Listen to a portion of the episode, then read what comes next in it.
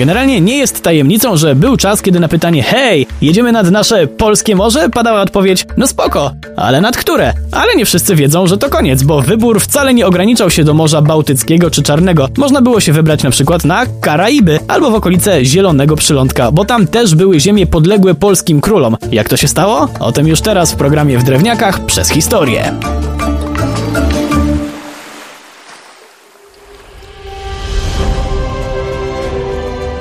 Zacznijmy od tego, jak to się stało, że mało kto wie, że jakiś polski król miał zapędy kolonialne. Tutaj akurat sprawa jest prosta, bo nie król, tylko podwładny. Nazywał się Kettler, Jakub Kettler i był księciem Kurlandii. Musimy sobie co nieco o nim opowiedzieć, bo to właśnie on sprawił, że Rzeczpospolita obojga narodów znalazła się w posiadaniu totalnie egzotycznych ziem.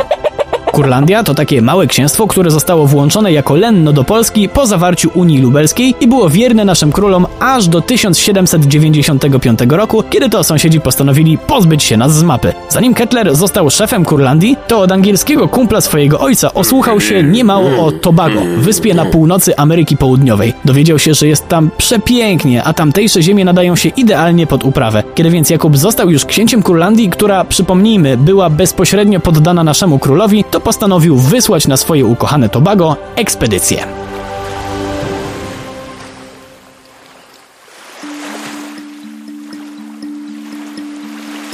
Początki wcale nie były łatwe, bo po pierwsze chętnych na taką egzotyczną wycieczkę wcale wielu nie było, więc skład tej ekspedycji musiał uzupełnić o lokalnych bandziorów. A, no i była jeszcze jedna rzecz, o której niby słyszał, że w tamtych okolicach łatwo jest natknąć się na kanibali i tropikalne choroby. Kettler stwierdził jednak, że kto nie ryzykuje, ten nie ma i wysłał swoją pierwszą ekspedycję. Chłopaki płynęli przez trzy miesiące, po czym jak wreszcie dotarli do Tobago, to większość z nich zjedli kanibale, a ci, którzy przeżyli ten powitalny obiad, szybko poumierali od, tak jest,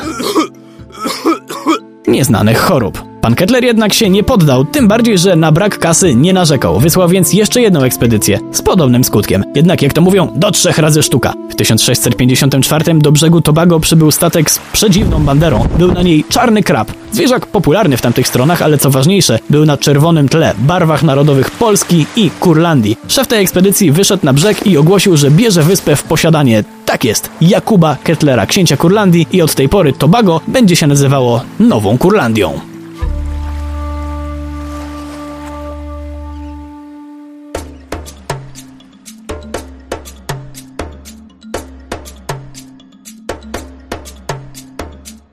Rozpoczęła się historia najdziwniejszej kolonii świata. Jej założyciel, którego poddani w Europie mówili po łotewsku, był poddanym Polski, więc formalnie Nowa Kurlandia była nasza, ale tam na miejscu większość osadników wynajętych do kolonizacji była Holendrami.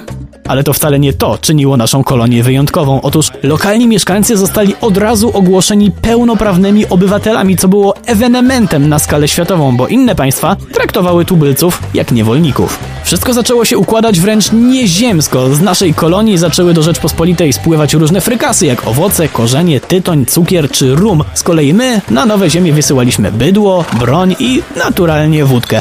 Fakt, że Polska pozyskała ziemie uchodzące do tej pory za niemożliwe do skolonizowania, wzbudzał podziw największych kolonizujących harpaganów, jak Hiszpania czy Anglia. Nasza zamorska kolonia radziła sobie świetnie, ale wtedy, a propos morza, Szwedzi postanowili wpaść do nas z potopem.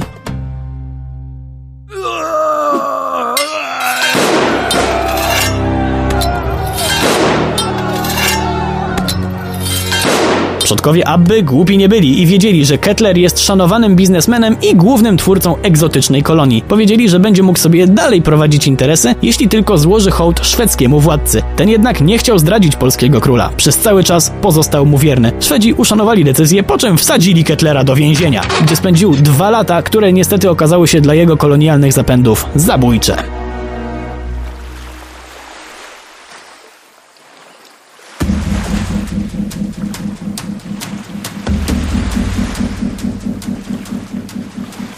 Bo kiedy o całym tym zamieszaniu dowiedzieli się obecni na miejscu Holendrzy, to postanowili zawinąć Nową Kurlandię dla siebie. Idąc za przykładem Szwedów, uwięzili dyrektora wyspy i zaczęli się panoszyć. Ale na krótko, bo wieści szybko się rozchodzą i bardzo szybko wpadli do nich z wizytą piraci z Jamajki. Później wyspa trafiała z rąk do rąk, ale najważniejsze jest to, że Kettler odzyskał kolonię na krótko przed swoją śmiercią. Później rządził tam jego syn, też dobry i wierny polscy biznesmen. Niestety ci zakichani piraci nie dawali kolonistom spokoju, a ci w 1690 opuścili wyspę, kończąc tym samym historię Nowej Kurlandii, podległej Polsce kolonii. Jeśli komuś się ta historia spodobała, to mam dobrą wiadomość. To nie jedyna polska kolonia w dziejach. Już w przyszłym tygodniu opowiemy sobie o kolejnej z nich, Kunta Kinte. Przy mikrofonie był Wojtek Drewniak. Do usłyszenia.